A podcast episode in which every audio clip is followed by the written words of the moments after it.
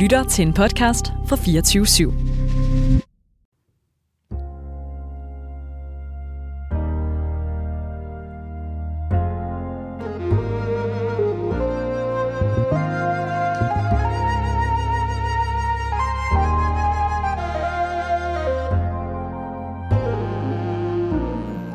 Velkommen til Den Brogede Vej. Mit navn det er Gunvar Tarbakholdt, og det her, du lytter til, det er programmet, hvor vi vender karrierevejen på hovedet.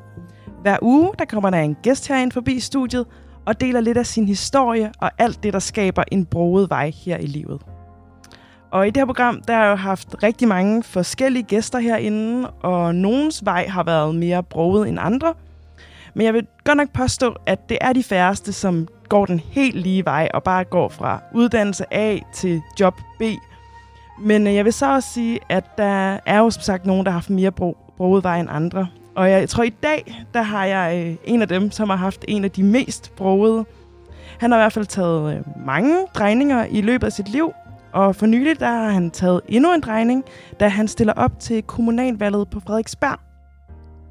Du kender ham måske som præsten fra Gifte Første Blik, men CV'et det er meget mere broget end det. Min gæst i dag, det er Michael Brauch. Velkommen til, Michael. Tak skal du have. Og øh, før vi øh, dykker ned i din brogede veje, så kunne jeg rigtig godt tænke mig at høre, hvad du drømte om at være dengang, at du var barn. Altså det aller tidligste, jeg kan huske, øh, jeg er opvokset på en kro øh, på, på landet nede på Sydfyn i en, en landsby, der hedder Svanninge. Og øh, inspireret af det, så, øh, så var det allerførste, jeg fortalte mine forældre, det var, at jeg gerne ville være kok øh, eller tjener, måske helst kok. Øh, Øh, men så, øh, da jeg sådan fandt ud af, hvor meget arbejde der egentlig var i det, så, øh, så fandt jeg ud af, at jeg egentlig hellere ville være gæst.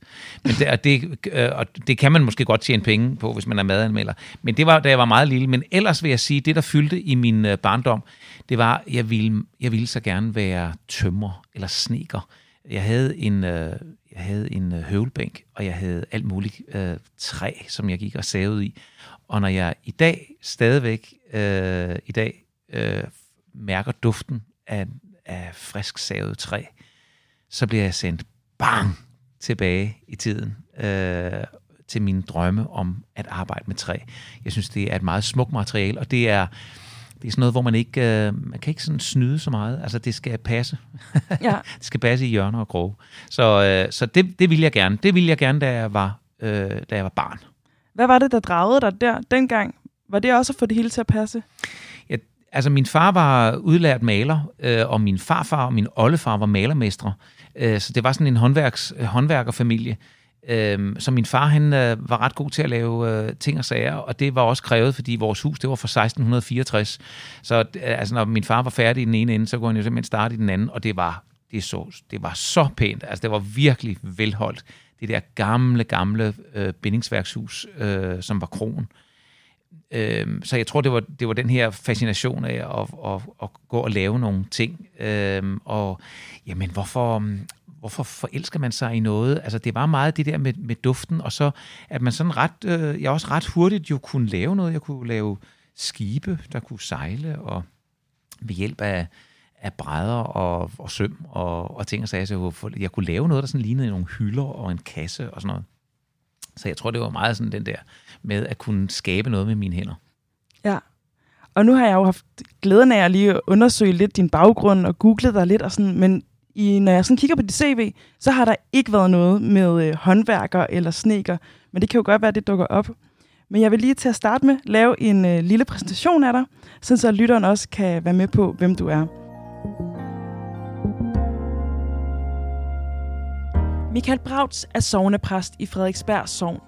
Han er også foredragsholder, og måske kender du ham fra de første par sæsoner af tv-programmet Gift ved første blik, hvor han rådgav programmets nygifte ægtepar.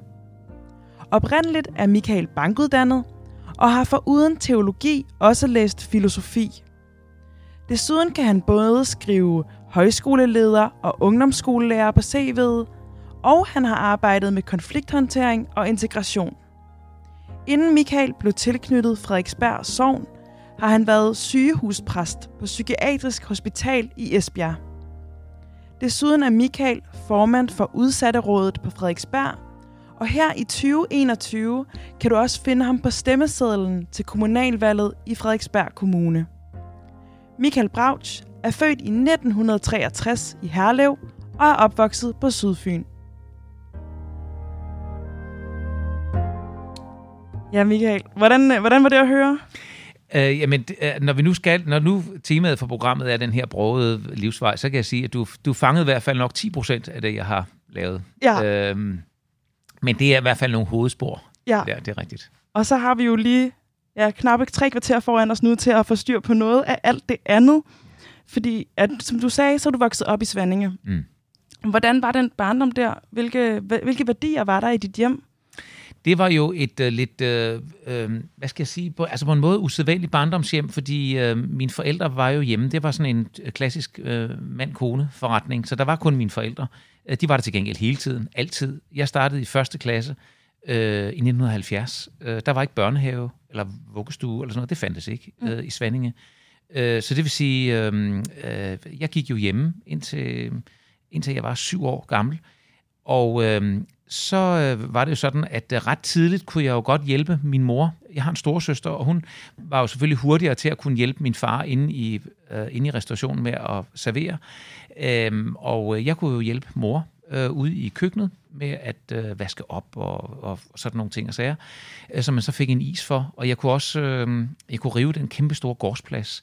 Og det var en opvækst, hvor jeg øh, tydeligt mærkede, at øh, hvis, øh, hvis vi ikke hjalp til, hvis min søster og jeg ikke hjalp til, så ville det jo nok gå alligevel, men det ville ikke gå helt så godt. Så det var, det var altså jeg lærte meget hurtigt det her med, at øh, vi skal alle sammen være med, vi skal alle sammen løfte.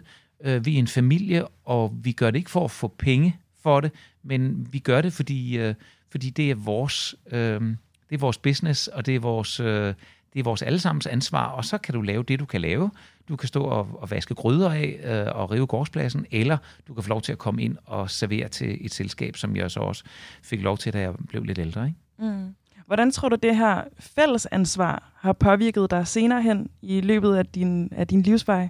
Jamen ret meget, øh, fordi øh, jeg kommer til at sætte øh, krav til andre mennesker. Altså jeg, jeg, jeg synes... Øh, øh, jeg, jeg synes ikke, man kan være andet bekendt, og jeg kan ikke forstå dem, der bare sådan læner sig tilbage og lader øh, andre gøre arbejdet. Altså, jeg synes, øh, vi må alle sammen ligesom træde frem og gøre det, vi kan. Og nogen kan gøre meget, og nogen kan ikke gøre så meget, og nogen har fået spændt ben for sig i livet, og har ikke så mange, mange sten at bygge med. Øh, og så er vi andre, der kan noget andet, men alle kan bidrage med noget. Så hvis man bare lader være med at, at læne sig tilbage i fællesskabet og tro, at andre gør det, så, så, så, skal det nok, øh, så skal det nok gå. Vi har alle sammen et fælles ansvar, og vi kan komme vanvittigt langt, hvis vi hjælper hinanden. Mm. Ja. Og så det her, da du så var syv år og kom i skole. Mm. Hvordan, øh, hvordan var din skoletid?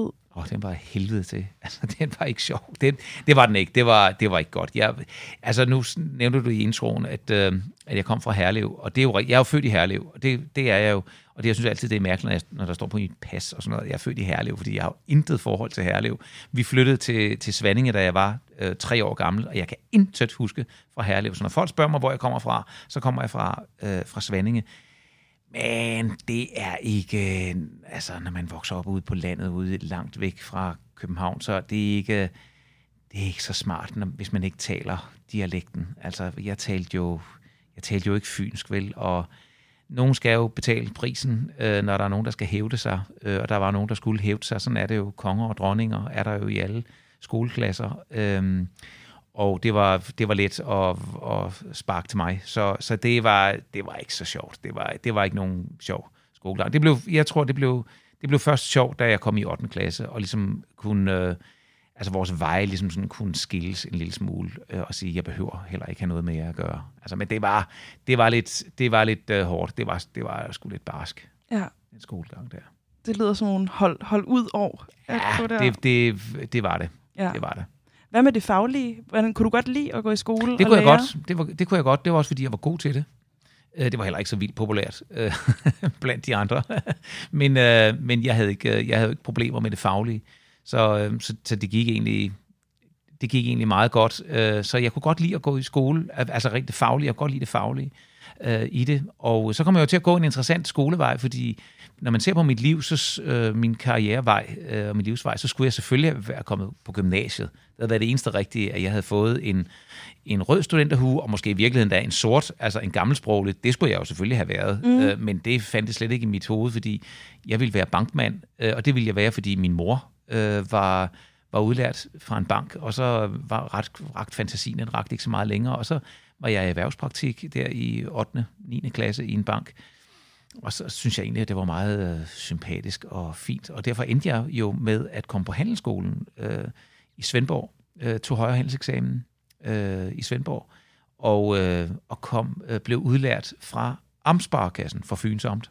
Den findes ikke længere, men dengang der var den, der var den jo ret stor, det var simpelthen... Øh, det var det største lokale pengeinstitut på Fyn, jo, og havde afdelinger sådan rundt omkring. Ja. Så, øh, så der stod jeg i lærer i Amtsbarkassen, og så allerede da jeg var, sådan, var noget midtvejs i det, så, så vidste jeg godt, ah, det er jo nok ikke her, at jeg skal blive gammel, tror jeg. Men, men lærepladsen er fin, og jeg kan lide at være her. Det er nogle søde mennesker, og jeg lærer noget. Men jeg tror nu nok, når jeg bliver udlært, så, øh, så, så skal jeg andre steder hen. Ja. Hvad med, mens du var på handelsskolen? Jeg tænker, nu sagde du, at du måske skulle have gået på gymnasiet og have været gammelsproglig og sådan noget. Var der ikke noget i dig, der lige sådan undervejs på de tre år på handelsskolen lige tænkte, skulle, skulle jeg lige... Altså, jo. nu ved jeg, at i Svendborg, der ligger gymnasiet og handelsskolen ret tæt på hinanden. Ja. Det gør de i hvert fald, da jeg gik ja. der. Jeg er også fra samme område som mhm. Michael, skal lige siges. Øhm, overvejede du aldrig at skifte undervejs? Nej, det gjorde jeg ikke. Jeg er, meget, jeg er sådan meget lojal. Altså, øh, der er et, øh, altså, man har startet på noget, og så fuldfører man det også. Det ligger sådan dybt i mig, så det var overhovedet, kom overhovedet ikke på tale. Nej, jeg havde en plan, og den ville jeg gerne, den ville jeg fuldføre. Men jeg kan huske, at vi, øh, øh, det sidste år på handelsskolen, det var bygget op dengang på den måde, at øh, først så tog man IFG basis handel og kontor. og så da man var færdig med det, øh, så kunne man så tage højere handelseksamen, som så var to år, og så endte man på de der tre år. Ikke?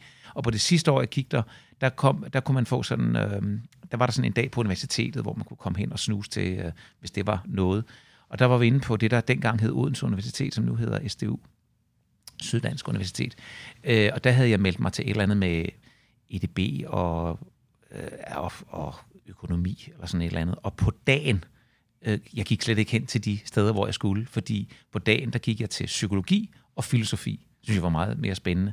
Og især filosofi, jeg var fuldstændig betaget af det, og, og jeg havde aldrig nogensinde overvejet, at man kunne stille sådan nogle spørgsmål, som man gør inde på filosofi. Altså, øh, fordi jeg kommer ikke fra et bogligt hjem. Øh, de bøger, mine forældre havde i bogreolen, det var bogklubbøger, det var, det var kriminalromaner, og det var, øh, det var det bedste bogklub, som er det var noget værre ravelse, jeg ved ikke, om det findes stadigvæk, men det er sådan noget, der er sådan uddrag af store klassikere.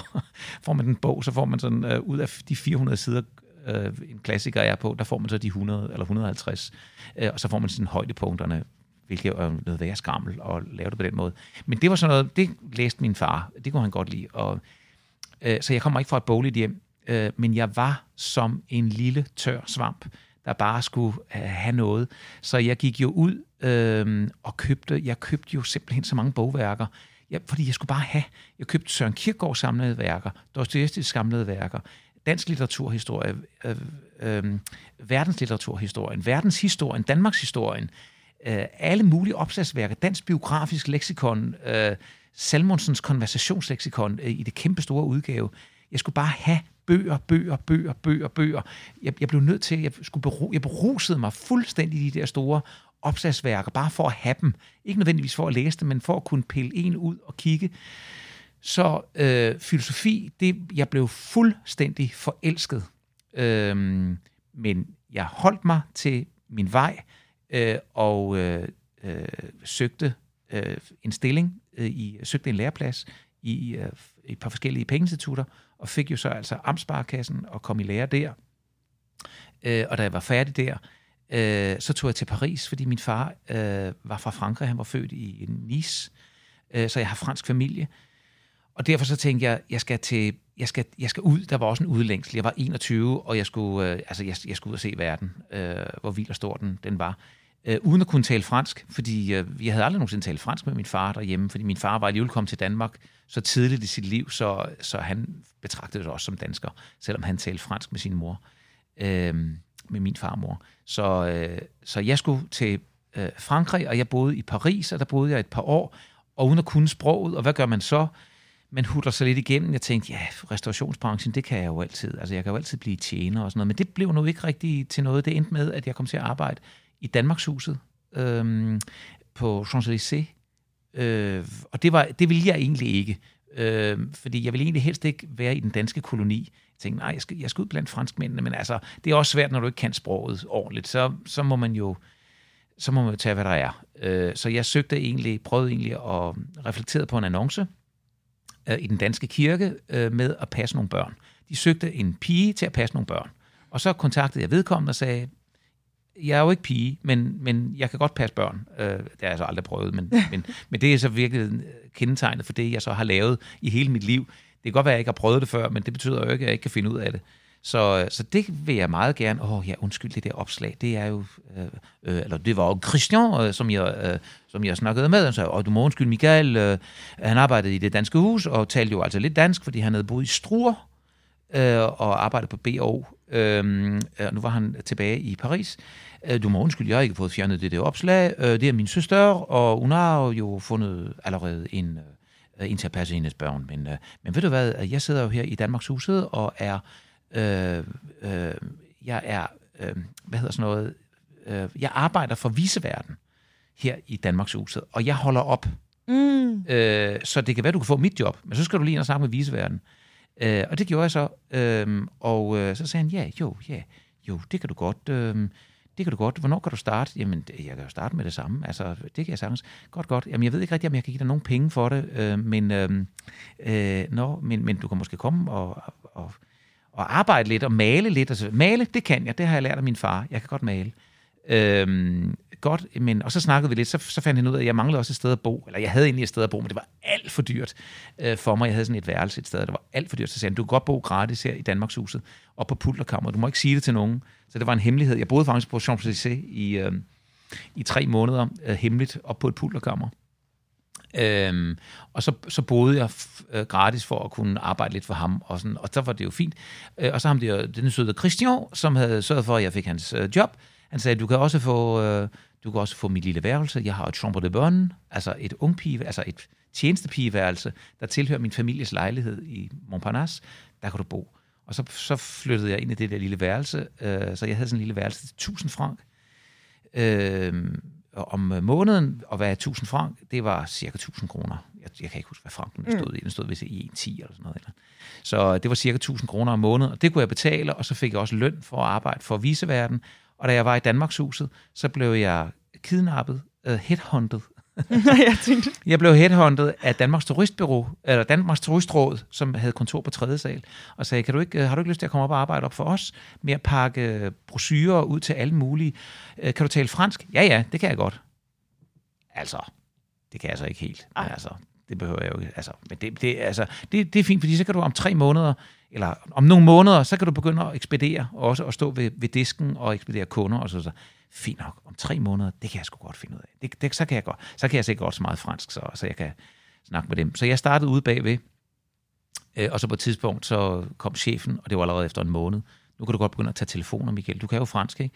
Øh, jo, det kunne jeg så ikke helt. Men altså, jeg kunne godt sådan nogenlunde humpe mig igennem. Og så arbejdede jeg for dem øh, i, øh, i et års tid. Øh, og så opdagede jeg, at der var flere i det der Danmarkshus, som var utilfredse med rengøringen. Øh, og så overtog jeg rengøringen øh, efter mit kontorarbejde. Øh, og så var der nogen, der spurgte, hvad, hvad siger du, du at, at, at din far var maler og sådan noget? Ja, det er, kan, du, kan du male? Det kan jeg sagtens. Øh, jamen, kan du ikke male vores kontor her, eller male hjemme hos mig? Lige pludselig så blev jeg maler. Jeg havde mit eget lille malerfirma, og jeg havde mit eget lille rengøringsfirma, øh, samtidig med, at jeg arbejdede på Danmarks Turistråd, og jeg arbejdede simpelthen hele tiden. Og det har faktisk været kendetegnet for mig så også, at jeg har arbejdet. Jeg har altid haft dobbeltjobs. Jeg har altid, fordi, øhm, fordi jeg tænkte, det, det kan jeg jo sagtens. Og så kom jeg simpelthen hjem til Danmark efter to år med en pose penge, øh, og for den pose penge, der købte jeg en splinterny bil. Jeg købte en Citroën 2 CV, den aller sidste øh, årgang, der blev lavet i 86, kom den sidste fabriksnye 2 CV, og sådan en købte jeg for de penge, jeg havde sparet op for alt det der malerarbejde og rengøringsarbejde og alt det der. Øh, og så øh, begyndte jeg at læse filosofi i Odense. Ja. øh, fordi nu kunne det ikke vare længere. Altså nu skulle jeg læse filosofi. Men øh, det var også fordi, jeg havde en overordnet plan, fordi i virkeligheden, så skulle jeg være skuespiller. Okay. Det vidste jeg godt. Ja. Jeg var skuespiller, jeg jo skulle være. Så det vidste jeg faktisk godt, dengang jeg arbejdede i Sparkassen, og dengang jeg læste på handelsskolen, og da jeg boede i Paris, så var jeg hjemme en gang imellem og søge optagelse på skuespillerskolerne, for det var jo det, jeg skulle. Så grundlæggende brugte jeg 10 år af mit liv på at blive skuespiller. Øh, Og da det jo ikke er så nemt, så måtte jeg jo have alle mulige andre jobs og lave alt muligt andet ved siden af. Så jeg kunne få noget SU, og jeg kunne lave ting og sager, og så flyttede jeg til København og blev natportier øh, på Hotel Sheraton, som det hed dengang. Nu hedder det det store Scandic Hotel inde ved Søerne. Øh, der var jeg natportier, så kom jeg på Hotel Imperial, øh, og der var jeg så blevet optaget på en privat teaterskole, øh, som hed Dramaskolen, hvor jeg lærte Stanislavski-systemet, øh, som er det, er sådan, det er det, der hedder method acting. Øh, og der gik jeg et par år og mødte nogle søde mennesker. Gik blandt andet sammen med Kasper Christensen, øh, og var buddies med ham. Øh, og så jo, han er faktisk uddannet i method acting. Tro det, om du vil. Øh, og, øh, øh, og så kom jeg tilbage til Odense, tilbage til Fyn. Fordi der tænkte jeg, der har jeg måske størst chance for at øh, arbejde som skuespiller. Men et eller andet sted, og det var jeg ikke bevidst om øh, på det her tidspunkt, det var, jeg er jo ikke kunstner. Altså i virkeligheden, så er jeg ikke kunstner. Jeg er simpelthen ikke dygtig nok. Jeg, jeg kan ikke øh, tabe mig selv rigtigt, som jeg skal. Så, så, så øhm, jeg kan måske blive en hederlig scene arbejder. Jeg kan, blive, jeg kan lægge stemme til nogle tegnefilm og optræde som et eller andet dansende tændrør, en eller anden uh, tv-reklame eller sådan noget. Men det var ikke, mine ambitioner var højere, og jeg vidste også, at talentet rækker ikke til mine ambitioner. Men, men der skulle lige gå et par år, før jeg, før jeg kunne indse det. Så jeg blev øh, kassedame i Aldi i, uh, i Odense, inde i Koksgade. Øh, og det er et af de sjoveste jobs, jeg har haft, fordi der skulle man ikke noget. Altså jo, jeg skulle sidde ved kassen, og, og, og ledelsen kunne ikke forstå, vil du ikke, det er fordi, du gerne vil have din egen forretning, ikke? Altså din egen Aldi-forretning, ikke? For den, altså, du er udlært bankmand, og du har lavet tusind ting. Altså det, det er vel fordi, at du gerne vil være købmand. Så, nej, nej, er du tosset mand? Jeg vil bare sidde ved kassen og snakke med folk. Det synes jeg er det sjoveste. Og dengang kunne man ikke scanne priser, øh, men øh, man skulle kunne alle varenummerne udenad. Det var ret vildt. Ja. Så jeg kunne faktisk 800 varenumre udenad. 278, det var en halv liter piskefløde, 198 en agurk, og nummer 100 en flaske rød Aalborg, og sådan, og så videre, så videre. Så, videre. så det lærte jeg, øh, og øh, øh, det skulle man kunne, og så skulle man love højt og heldigt, at man ikke ville stjæle. Ja. Det fortalte de mig også ret ofte. I må ikke stjæle varerne. Undskyld, hvad var det nu, vi ikke måtte? I må ikke stjæle.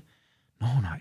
Nej, undskyld, jeg skal lige have den igen. Hvad var det, vi ikke måtte? I må ikke stjæle, Michael. Nå nej, vi må ikke stjæle. Så hvis man bare lå ved med at stjæle øh, varerne, og så lovede øh, at kunne de der 800 varer om måneden, så øh, var man faktisk godt kørende. Og det var øh, første del af mit arbejdsliv. Ja, hold da op. Jeg er helt forpustet. Det er jeg også. Men, ja, så alt det her med at blive bankuddannet, og alt det, du lavede der, det var simpelthen en, en del af det at skulle være skuespiller. I Var det, virkeligheden skulle jeg være skuespiller, men det var fordi, jeg kommer jo ikke fra det miljø, og jeg kommer heller ikke fra et kunstnermiljø. Så, så jeg, har, jeg var meget ydmyg over for det, ligesom jeg var ydmyg over for det intellektuelle. Jeg var meget ydmyg over for det der øh, filosofimiljø, som jeg kom ind i i Odense. Jeg var meget øh, ydmyg over for, over for teaterverdenen og tænker, det kan jeg, jeg kan jo ikke bare gå ind og lave det. så du tænkte, du skulle have noget erfaring? Jeg skal inden? liste mig rundt om grøden og blive dygtigere og læse hos en skuespiller og tage til optagelsesprøve og finde ud af, hvem er jeg og alt muligt, hvad er vigtigt og sådan noget. Jeg, jeg var meget ydmyg og tænkte, jeg bliver nødt til at have noget, noget kunstnerisk modenhed, for jeg har intet i min rygsæk, så jeg bliver nødt til at liste mig ind på det. Øh, og derfor så brugte jeg 10 år af mit liv, hvilket altså som sagt kulminerede med, at øh, jeg så kom på en privat teaterskole, som jeg så skulle betale for. Og derfor skulle jeg jo arbejde øh, hele tiden, og jeg arbejdede om natten, og jeg arbejdede om dagen, og jeg arbejdede altid. Øh, og alle de andre på holdet, tror jeg næsten, fik det betalt over sådan noget med ungdoms... Eller, altså, for at man ikke skulle være ungdomsarbejdsløs der i 80'erne, så kunne man få lov til at gå på sådan noget. Øh, og, øh, og da jeg opdagede, at alle de andre faktisk fik deres betalt, så gik jeg op på, på socialkontoret og sagde, altså mit navn er Michael, og øh, sådan og sådan, og alle de andre, og de kan få det betalt. Kan jeg også det? Nej, altså hvad laver du i for? Jamen, jeg har jo arbejdet med sådan og sådan. Jamen, så kan vi jo ikke betale det for dig. Jamen, det er da snyd. Altså ja. hvis det er alle de andre får det betalt, ikke? Altså, jeg kommer skide træt ind på skolen klokken 8 om morgenen, fordi jeg har været natportier hele natten på et hotel. Øh, det var fuldtidsarbejde, det var fire nætter og to nætter fri øhm, hele tiden, så jeg var jo altid træt. så siger jeg, nej, det kan vi ikke, det kan vi ikke hjælpe dig med. Så okay, nå, så må jeg jo... Så jeg ville bare ved med at arbejde, øh, og, og fik måske ikke det fulde udbytte af skuespillerskolen heller, mm. fordi jeg kunne ikke sådan helt fortabe mig i det, men, men øh, ja. Så det var sådan første, det var sådan første blok. Ja, og nu tænker jeg, nu har vi jo været vidt omkring og sådan noget, men jeg har ikke hørt øh, noget om Gud endnu. Fordi jeg tænker, Nå, nej. Du, du er præst. Hvor, hvor, hvor er Gud hen i alt det her? Jamen, altså, så skete der jo det, at... Øh, at jeg blev simpelthen nødt til at finde ud af, hvad jeg skulle lave. Altså, fordi jeg kunne godt se, det her, det er, jeg skal altså ikke være skuespiller. Det skal jeg ikke. Og jeg flyttede så væk fra, øh, væk fra Odense igen, fordi øh, jeg havde jo arbejdet med de professionelle skuespillere i Odense på noget, der hed Vintapperteateret inde i noget, der hedder Vinstapperstræde. Øh, det findes ikke længere, men det var sådan en legeplads for de professionelle skuespillere, og der var vi jo nogen, der kunne få lov til så at være med, så der var jeg med i nogle produktioner, øh, og fik lov til at arbejde med de professionelle, så tænkte jeg, jeg, jeg har jo en dør der, der kunne jeg måske, men det blev bare aldrig til noget. Øh, så øh, jeg rejste øh, tilbage til, øh, til København, øh, og så havde jeg så lige en pause i Paris, fordi jeg, jeg tænkte, Paris, det, det er der, hvor jeg kan klare mig selv. Altså der har jeg, det var der, jeg blev voksen. Det var der, hvor jeg flyttede. Jeg flyttede direkte hjemmefra, fra mor og far, til Paris og skulle klare mig selv uden selvfølgelig internet og, og sådan noget. Så altså ringe hjem, det var jo pisse dyrt. Altså, det kostede en krone i minuttet eller sådan noget. Det var vildt dyrt. Øhm, og dengang der var en krone, det var mange penge. Øh, så, så det vil sige, det var jo enormt dyrt, og, og så, så jeg havde ikke den der kontakt med hjem. Altså, jeg skulle bare klare mig selv, og lære at vaske tøj og lave mad, og det hele skulle jeg bare selv. Så, så, så Paris er jo for mig stedet, hvor jeg blev voksen, og hvor jeg lærte at klare mig selv. Så, øhm, så når jeg har haft sådan nogle perioder i mit liv, hvad skal jeg? Hvor er jeg henne? Hvad, hvad skal jeg med mit liv? Så tog jeg til Paris. Så jeg tog til Paris øh, i nogle måneder øh, og gjorde rent igen. Øh, blev ansat i et rengøringsfirma og kørte rundt klokken 4 om morgenen. Havde en bil og kørte rundt i hele Paris og gjorde rent i de forskellige lejligheder. Øh, og så tog jeg hjem igen og blev tjener i København. Fordi det kunne jeg jo også. Det var jo også et gammelt fag. Ikke? Altså det, det har jeg jo lært hjemmefra. Så det kunne jeg jo sagtens. Så jeg var tjener, og øh, og så sad jeg i julen 91 sammen med min familie, sammen med min, øh, min søster og svoger og mine forældre, hjemme hos min søster i København, i Bagsvær, øh, og så Bergmans Den Gode Vilje. Dengang der var der sådan nogle øh, juleserier i, på DR, sådan over 5-6 afsnit, så, så så man sådan et afsnit hver aften, øh, og det samlede familien. Og i 91, der var det Bergmans Den Gode Vilje, og Ingmar Bergman, hans far, var præst. Og i første afsnit handler det om den her øh, far, der skal til kandidateksamen øh, og bare inderligt beder til Gud om, om professoren, professoren, der skal eksaminere ham, ikke må være syg, helst død. Fordi øh, han er jo ikke klar til det. Han har festet for meget. Det er, hvad de sidste år har været med fest og sprut og damer osv. Så, videre, så han er jo slet ikke klar til det. Og mens det løber over skærmen, øh, jeg var kristen. Altså, jeg har været kristen siden, øh, og, og været troende, siden, det ved jeg ikke, siden konfirmationen eller sådan noget. Men øh, da det her, det sker, da det her, det ruller hen over skærmen, der får jeg et kald. Der øh, får jeg et kald om at blive præst. Og det var godt nok, øh, det var godt nok lidt weird, ikke? fordi det, det havde ikke været inde på radaren. Altså det, den havde jeg ikke selv lige opfundet, den havde jeg ikke lige selv fanget, at jeg skulle være præst. Men det stod fuldstændig lysende klart. Jo ikke som sådan en sådan en mørk bullerstemme, Michael, du skal være præst, det er din vej. Ikke som sådan et eller andet lys, øh, hvor jeg lige pludselig ser mig selv i præstekjole stå ude i fremtiden, men bare som en helt klar overbevisning og en vidshed om, jeg skal være præst. Og det tænkte jeg, det tør jeg nok, ah, nu, eller tør, tør. Altså, det tror jeg ikke, jeg fortæller min familie, fordi nu har de godt nok også hørt mig og lave mange mærkelige ting og været mange forskellige steder hen. Så nu tror jeg lige, at jeg starter med at gå hen i studievejledningen, øh, når de åbner efter nytår og taler med dem. Og så gik jeg hen og besøgte dem øh, og talte med dem, øh, og så sagde de, jamen det er, jo, det er jo historie, det er jo kirkehistorie, det er 2000 års historie. Yes, det er jeg interesseret i, det kunne jeg godt tænke mig. Så er det de filosofiske områder. Filosofi, det er lige mig. Det kender jeg noget til. Så er det græsk og hebraisk. Du skal jo læse gamle og nye testamente på de originale sprog. He, øh, latin og sådan noget. Har aldrig nogensinde haft latin, for jeg har jo ikke gået i gymnasiet. Øh, på den måde. Øh, men det vil jeg gerne lære, og det vil jeg gerne, og alt det der. Og, øh, og så startede jeg på universitetet i 92 øh, i København, og det var det eneste, jeg havde på min ønskeseddel. Altså, jeg havde ikke nogen, det var ikke noget med, hvis jeg ikke kommer ind på teologi, vil jeg gerne læse fransk eller et eller andet andet. Nej, kun teologi, det er det, jeg skal, og jeg skal være præst. Jeg var en af de få, der startede øh, på min kæmpe store årgang, årgang. Vi var 175 i København. Øh, altså, jeg ved ikke, i dag er der måske, måske er der, det ved jeg ikke, hvor mange der er, 125, både i København og Aarhus lagt sammen. Men der var vi 175 bare i København, så vi var mega mange, der startede. Og vi var måske en, præst, en, en håndfuld, der med det samme sagde, jeg skal være præst. Alle de andre sagde, jeg skal i hvert fald ikke være præst, jeg skal lave alt muligt andet. Så jeg tilrettelagde mit studie meget efter at blive præst. Altså det der meget målrettede, ikke? Altså sige, være meget tro mod det, og ikke flippe alt for meget ud, men sådan være meget tro.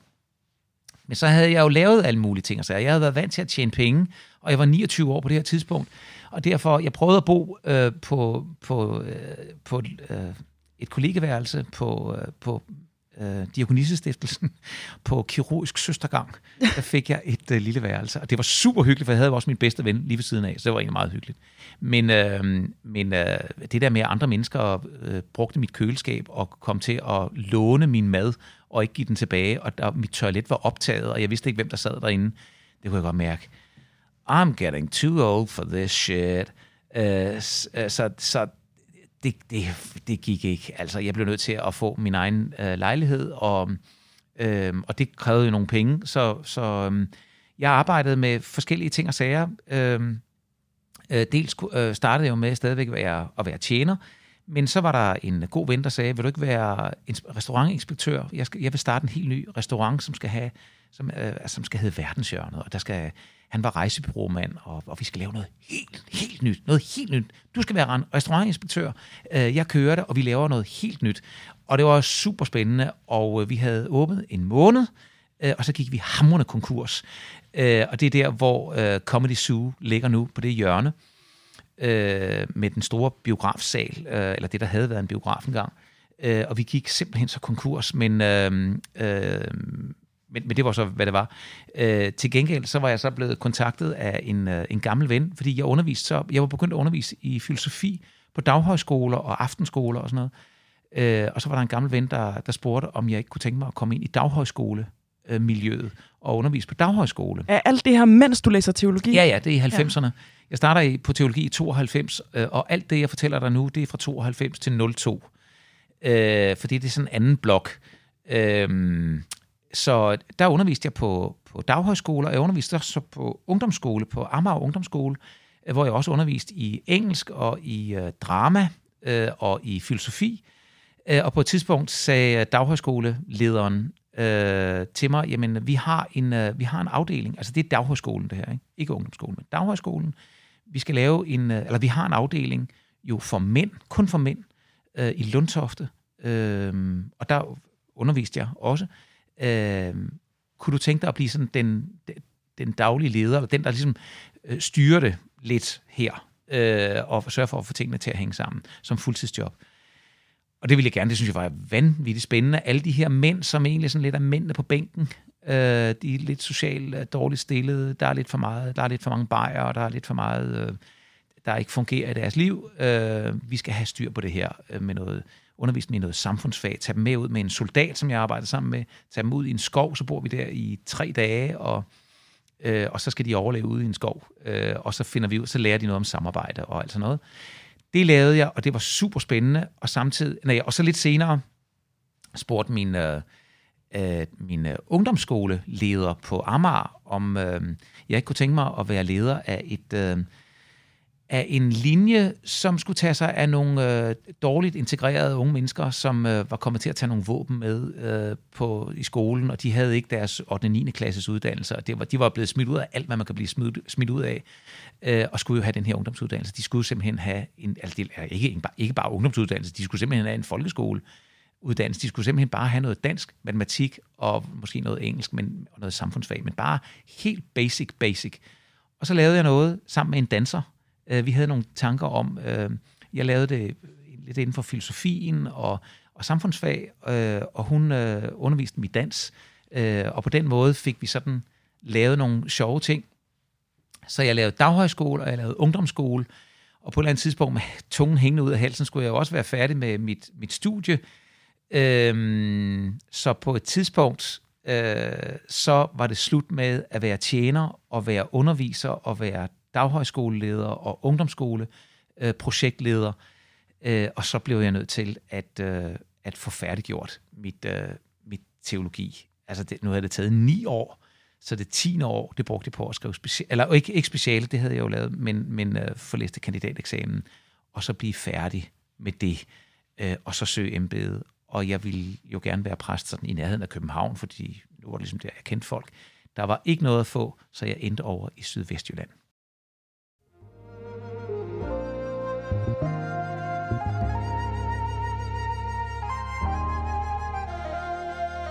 Du lytter til Den Broede Vej, en podcast produceret af Ungdomsbyrået for Loud. Din vært er Gunvar Tarp Bakholdt. Og jeg har i dag besøg af Michael Brauts præst, og øh, jeg øh, har jo fra starten sagt, at det er en med en vej, jeg har besøg af i dag, og det kan man virkelig mærke. Så jeg vil rigtig gerne høre om det her med at være præst, og hvad det er, der, der giver dig noget i det arbejde. Altså, hvad, hvad er vigtigt for dig i dit daglige arbejde som præst?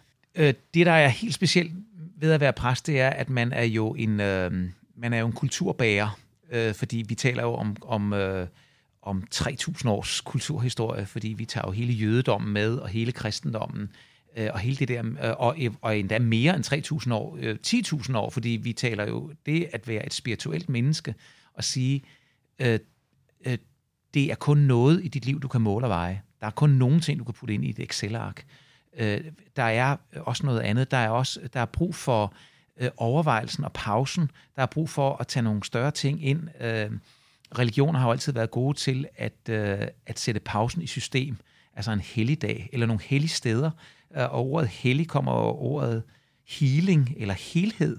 Så det er jo det har noget at gøre med at blive healet, at blive et helt menneske. Derfor er det sundt og godt at, at tage en time out en dag om ugen, en helligdag eller en helingsdag, en healingsdag, hvor du er offline, og du skal ikke gøre det for Guds skyld, du skal gøre det for din egen skyld.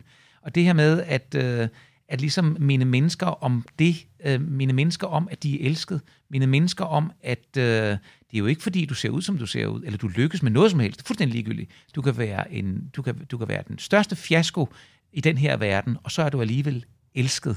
Fordi du er elsket, fordi du er dig. Ikke fordi du opnår noget, præsterer noget, kan noget, men kun fordi du er dig.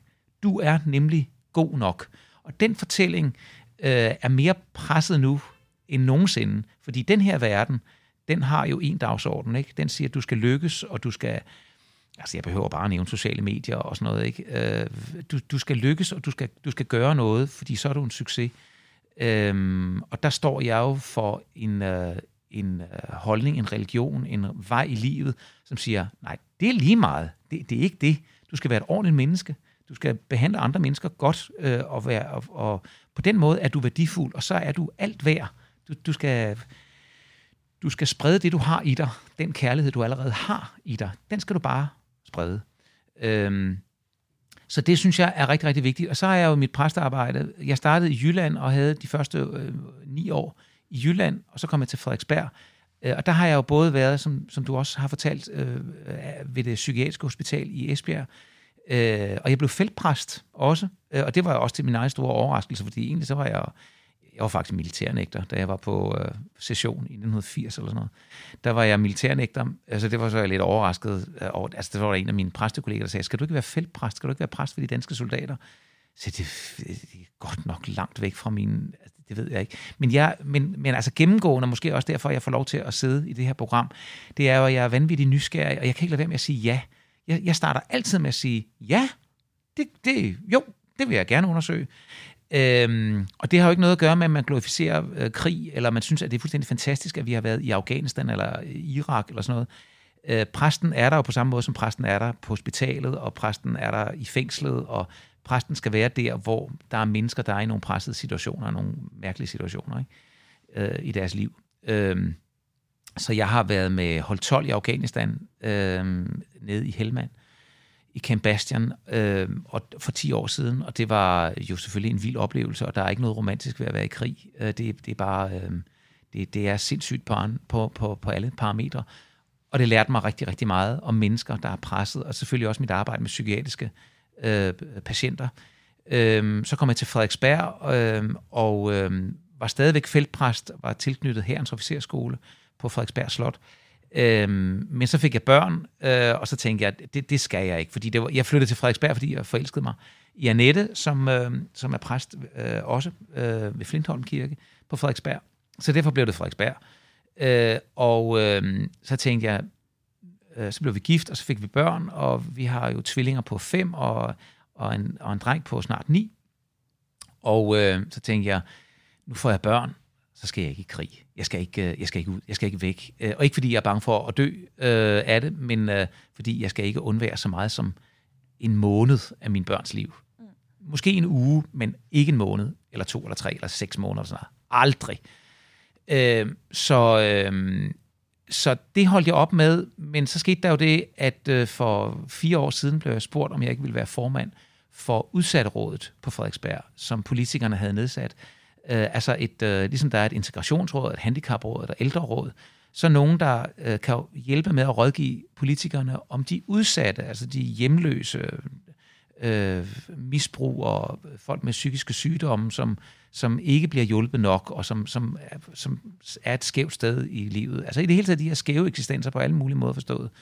Øhm, de synes, det kunne være meget fint, hvis der sad en præst der, fordi som præst, og det var jo virkelig det, det var det dit spørgsmål, hvad giver det mig, og hvad betyder det? Jeg er jo hos alle mennesker. Jeg er fra de nyfødte til oldinge. Jeg er fra dem, der bor på gaden, til dem, der bor i de hus, der koster 48 millioner kroner på Frederiksberg. Jeg besøger dem alle. Jeg hører dem alle. De kommer alle sammen hen til mig, og jeg kommer alle sammen hjem til dem. De kommer til mig med deres allerstørste glæde og deres allerstørste sorg. Øhm, vi er sammen mandag til søndag. Altså, så, så, så det der med at få lov til at komme ud i alle hjørner og kroge, har jo givet mig en, en baggrund, og det er også derfor, jeg gerne vil arbejde med politik. Jeg synes jo, altså i stedet for bare at rådgive politikerne i udsatterådet, så vil jeg gerne selv arbejde med socialpolitikken. Øhm, så, øh, så, så det gav mig igen mulighed. Jeg blev spurgt, og jeg kan ikke lade være med at sige ja, for jeg synes, det, øh, det er nogle områder, hvor mange af mine venner øh, og familien har sagt, det ved du jo ikke noget om det der. Nej, men det kan man vel finde ud af, altså. Og hvis man så stiller op øh, til det ene eller det andet, øh, man bliver spurgt om, og man så ikke kan finde ud af det, så er det jo en ærlig sag at sige, for du hvad, du, jeg har, jeg har fået hævet for meget op på tallerkenen. Jeg kan, ikke, øh, jeg, kan, jeg kan nok ikke lige overskue det her alligevel. Altså, det er ikke sket endnu, øh, så og nu kan jeg jo også godt mærke, at jeg bevæger mig jo inden for nogle cirkler, som selvfølgelig er blevet styrket. Altså, jeg, jeg kommer jo, det er jo der, mit hjerte ligger. Det ligger jo hos de udsatte, hos de svage. Øh, så, så, så det er jo også det, jeg arbejder mere og mere med, og dermed også. Altså, jeg har ikke arbejdet professionelt med rengøring og malerfirma i mange år. Så det behøver man ikke komme til mig og sige, jeg har et job, du kan blive, øh, du kan blive, du kan blive svend i mit malerfirma. Så vil jeg nok sige nej. Øh, men, men der er mange andre sjove veje at gå. Ja, og det, ja, det er virkelig, virkelig meget forskelligt. Jeg tænker, nu, hvis nu du bliver valgt ind her til kommunalvalget, mm. hvad, hvilke tanker gør du der om, om det, og hvad skal der ske? Altså, øh, det er jo sådan, at den eneste professionelle politiker på Frederiksberg, det er borgmesteren. Øh, det er den eneste, der kan leve af det. Alle de andre har jo arbejdet ved siden af. Øh, og så ligger det om mandagen, byrådsarbejdet øh, ligger om mandagen. Ja, der er måske også nogle møder og resten af ugen, men det er tilrettelagt efter, at, at folk jo selvfølgelig går på arbejde, det bliver man nødt til.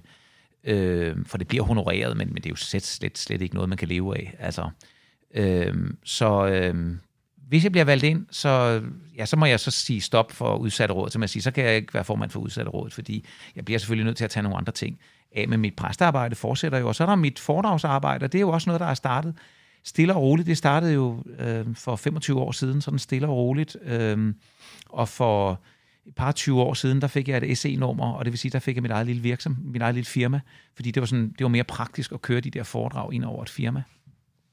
Det er noget, der bliver styret af den foredragsportal, der hedder Athenas i Odense.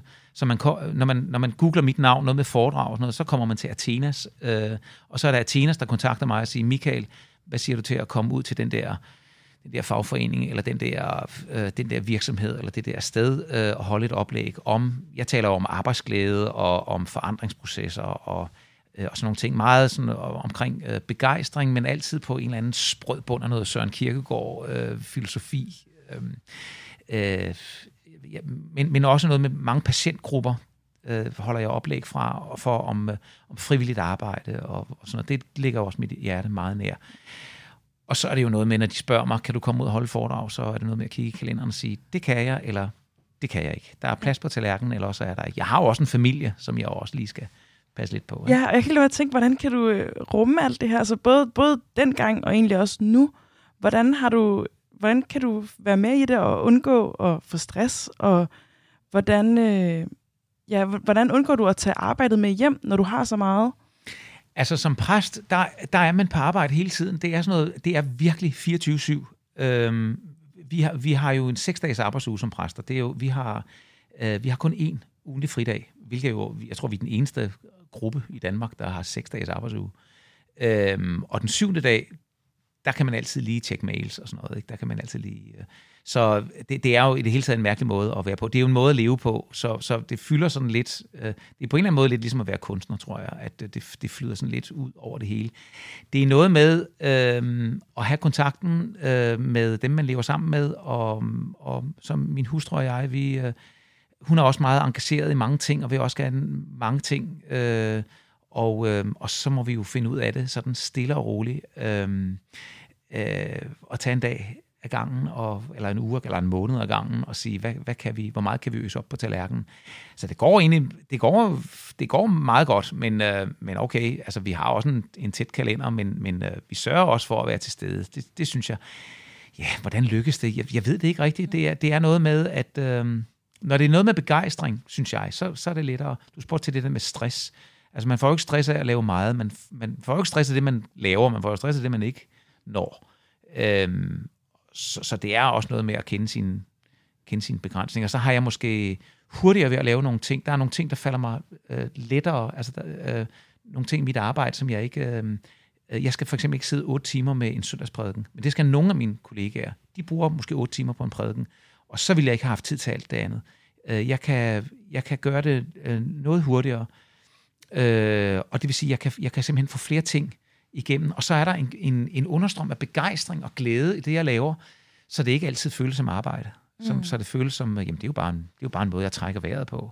Ja, og på at kende sine begrænsninger og prioritere og så videre, så skal jeg også virkelig lige prioritere i de spørgsmål, jeg har forberedt til dig, fordi at tiden er fremskreden. Men jeg kunne nemlig rigtig godt tænke mig at, at høre, nu også i forhold til Søren Kirkegaard og så videre, Hvordan følger, fylder tvivl i dit arbejdsliv? Har du, har du, er det noget, der, der nogensinde er med dig? Sådan øh, tvivl i forhold til, hvad du vil og hvad du skal? Altså, nogle gange, altså, øh, jeg blev spurgt, øh, om jeg ville være politiker. Det blev jeg spurgt om for fem år siden, altså til kommunalvalget i 17. Og det, der, er jeg, der tænkte jeg mig om, og endte med at sige nej. Så der kan man sige, der tvivlede jeg selvfølgelig, øh, da jeg blev spurgt øh, her for et år siden, der øh, overvejede jeg jo også, jeg vil ikke sige, at jeg tvivlede, men, men jeg overvejede selvfølgelig, og så endte jeg så med at sige ja. Øhm, nej, altså, tvivl, nej, det, det øh, jeg synes ikke, det fylder så meget, øh, fordi, øh, øh, nej, jeg, jeg tror nok, jeg, jeg går sådan øh, ind i tingene sådan med meget sådan åben bryst og siger, det her, det, det, det går nok. Og så selvfølgelig, jeg har jo også fået mine slag over snuden, jeg har jo også, øh, jeg har jo også søgt ting og sager, som jeg tænkte, det vil jeg gerne, det her. Og så fik jeg det ikke. Øh, jeg har prøvet at blive provst. Provst, det er sådan, øh, det er sådan en lederstilling. Øh, man, man har jo ikke så mange karrieremuligheder som præst, så jeg har prøvet at, at blive provst, øh, og det fik jeg ikke. Øh, og, øh, og så havde jeg sådan bagefter, pyha heldigvis da. Fordi tænk, hvis jeg var blevet prov, så havde jeg heller ikke kunne lave alle de andre ting. Så havde, jeg været, så havde det været lidt mere smalt, så havde jeg ikke kunne tillade mig at, at stride så meget i alle mulige andre retninger. Så jeg tror, jeg er meget god til sådan at, at kaste mig ud i noget. Øh, ikke tvivle så forfærdeligt meget på det. Øh, og enten så får jeg det, og så tager vi optag og, og oplevelserne, eller så får jeg det ikke. Og så tænker jeg, nå okay, altså hvis jeg ikke bliver valgt øh, her om en måned, øh, så har jeg 100 andre planer. Jeg skal, jeg skal skrive en bog, øh, blandt andet. Det har jeg ikke. Det har jeg gjort lidt. Jeg har skrevet lidt, lidt bøger, men så skal jeg skrive sådan en, en lidt mere seriøs bog. Ja. Og så bruger jeg tid på det i stedet for. Ja. Nu her i den her øh, vilde karriere, vælger jeg at kalde den. Hvornår har du så været mest stolt, eller er der et tidspunkt, hvor du har været meget stolt? Stolt? Øh, det er svært at være stolt, fordi jeg synes jo, altså, at det, jeg har opnået, at det, jeg har gjort, øh, Øh, nej, stolt vil jeg ikke sige. Altså, fordi øh, når der er noget, der lykkes for mig, når jeg kan noget, når folk kommer hen til mig og siger, Michael, det var skide godt det der, det var, det var rigtig godt, så trækker jeg på noget inde i mig selv, som ikke er min egen opfindelse. Det er ikke mig selv. Jeg er jo troende menneske, og det betyder, at øh, jeg, øh, jeg kan mærke, at jeg har fået nogle gaver. Jeg har fået talentet for noget. Der er, der er jo 10 milliarder ting, som jeg ikke har talent for. Altså, jeg vil være blevet en elendig tømmer og sneker, ikke? Det, det skal jeg ikke. Jeg skal ikke arbejde med træ, for eksempel. Det vil ikke gå. Og, og revisor, er du tosset mand? Det vil jeg aldrig kunne finde ud af. Jeg vil aldrig kunne finde ud af at være øh, skolelærer, eller sygeplejerske, eller socioassistent. Er du tosset mand? Jeg vil slet ikke kunne finde ud af det. er slet ikke mig. Til gengæld er der nogle andre ting, som jeg godt kan. Øh, og det ved jeg så dybt inde i mig, at det er en gave, jeg har fået.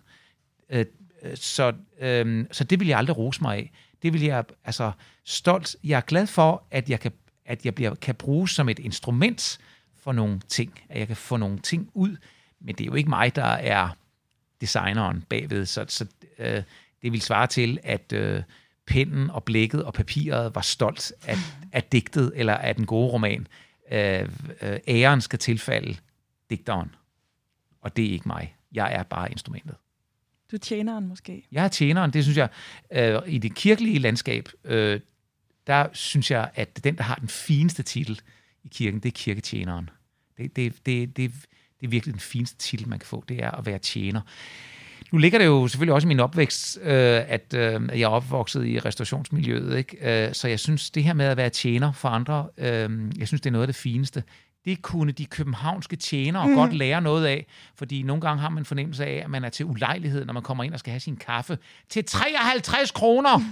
øhm, eller hvad det nu koster. Øhm, øh, det er, man skal være stolt af at være tjener. Ja. Det er noget af det fineste, man kan være, at stille sig til rådighed og kunne øh, bringe det videre, som man har talent for. Men der er vi jo egentlig tilbage til, at man også godt kan være stolt af at være præst, og være stolt af at være tjener, og formidle det, man skal på en god måde. Det kan du sige. Hvis det er ja. den form for stolthed, så øh, ja, altså hvis man kan være stolt af sin ydmyghed, så, så er det måske så noget af det, jeg kan være stolt af, rent arbejdsmæssigt, det jeg er mest stolt af, det er selvfølgelig, min, det er selvfølgelig mine børn, men det er jo sådan noget, man, det har jo ikke noget med, med min karriere at gøre. Det, øh, det, det var ikke så meget arbejde. Altså jo, ja, ja ikke dengang, øh, men, men det er så arbejde at opdrage dem. Helt sikkert. Michael, jeg vil gerne høre dig her til sidst om, du har et godt råd til en ung, som måske står over for at skulle vælge sin vej her i livet, eller jeg ja, står foran livet. Har ja. du et godt råd der? Ja, det har jeg. Øh, du skal følge dit hjerte, og det kan være, at der er mange i den her stol, i det her program, der har sagt nøjagtigt det samme. Men det er så vigtigt. Jeg synes, det er så trist at høre dem, der går fornuftvejen, fordi nu tager jeg den uddannelse, fordi det er der er arbejde. Jeg vil egentlig hellere tage den uddannelse, fordi det er den anden uddannelse, fordi det, det er noget, jeg hellere vil, men, men der er jo ikke noget job så henslæber man fem år eller andet, øh, og så lige pludselig er der ikke arbejde inden for det, man har uddannet sig for, men der, hvor man gerne ville, der er faktisk ved at komme ledige stillinger. Altså, du skal følge dit hjerte, øh, og så skal du være flittig. Altså hvis du følger dit hjerte og er flittig, så, så, skal, det nok, så skal det nok gå, og så bliver du gladere. Øh, så bliver du, tror jeg, at du bliver den gladeste udgave af dig selv. Ja, nu er vi nået til vejs ende af den her udgave af Den Brogede Vej, og programmet der er produceret af Ungdomsbyrået og optaget i vores tårn på Nørrebro. Og øh, til dig, kære lytter, tusind tak, fordi du lytter. Og husk, den lige vej, den er ligegyldig. Det er den broede vej, der er bedst.